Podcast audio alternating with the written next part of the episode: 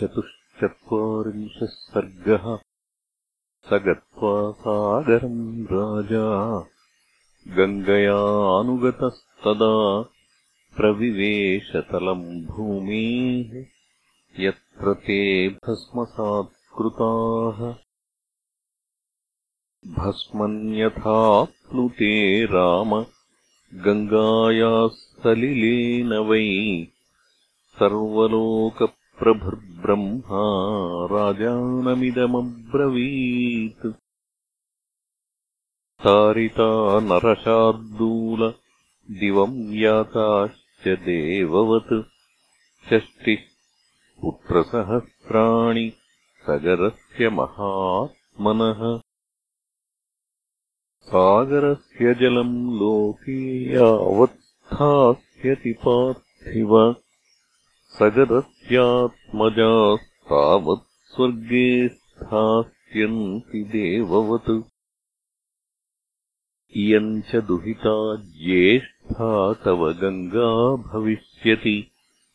त्वत्कृतेन च नाम्नाथ लोके स्थास्यति विश्रुता।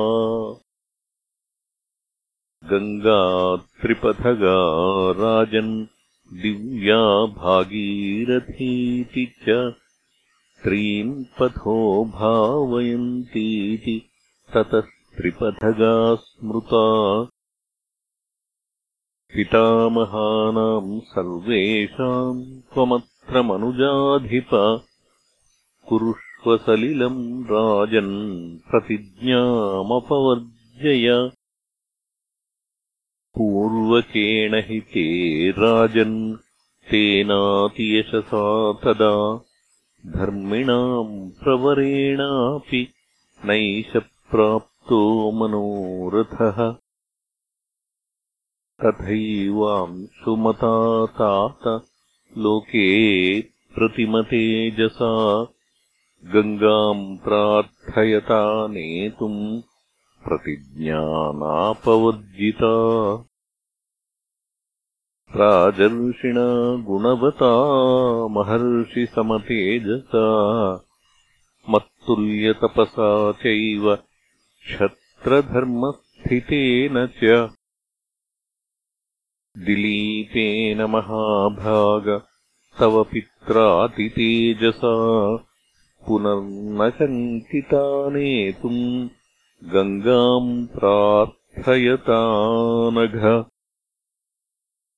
सा त्वया समतिक्रान्ता प्रतिज्ञा पुरुषर्षभ प्राप्तोऽसि परमम् लोके यशः परमसम्मतम्।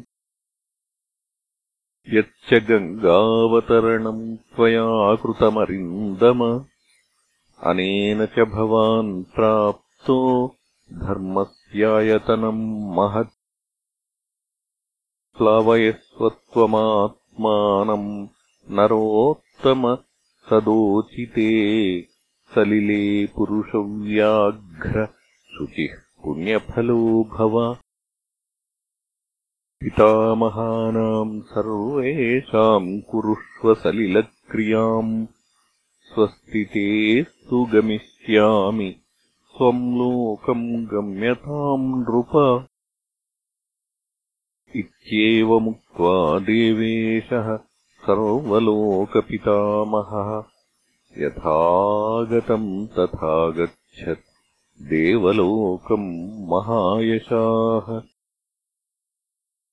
भगीरथोऽपि राजर्षिः कृत्वा सलिलमुत्तमम् यथा क्रमम् यथा न्यायम् सागराणाम् महायशः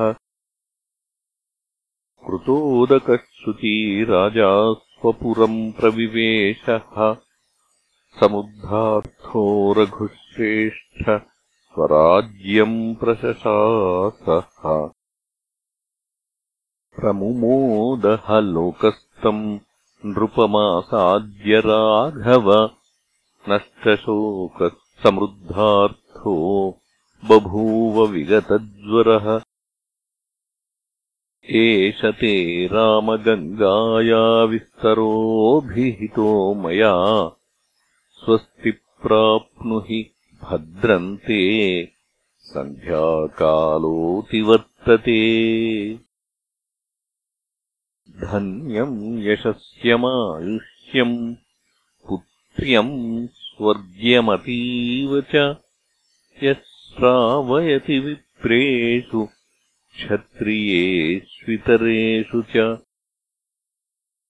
प्रीयन्ते पितरस्तस्य प्रीयन्ते दैवतानि च इदमाख्यानमव्यग्रो गङ्गावतरणम् शुभम्। यः शृणोति च काकुत्स्थ सर्वान् कामानवाप्नुयात् सर्वे पापाः प्रणश्यन्ति। आयुः कीर्तिश्च वर्धते। इत्यार्थे श्रीमद् रामायणे वाल्मीकीये आदिकाव्ये बालकाण्डे चतुश्चत्वारिंशः सर्गः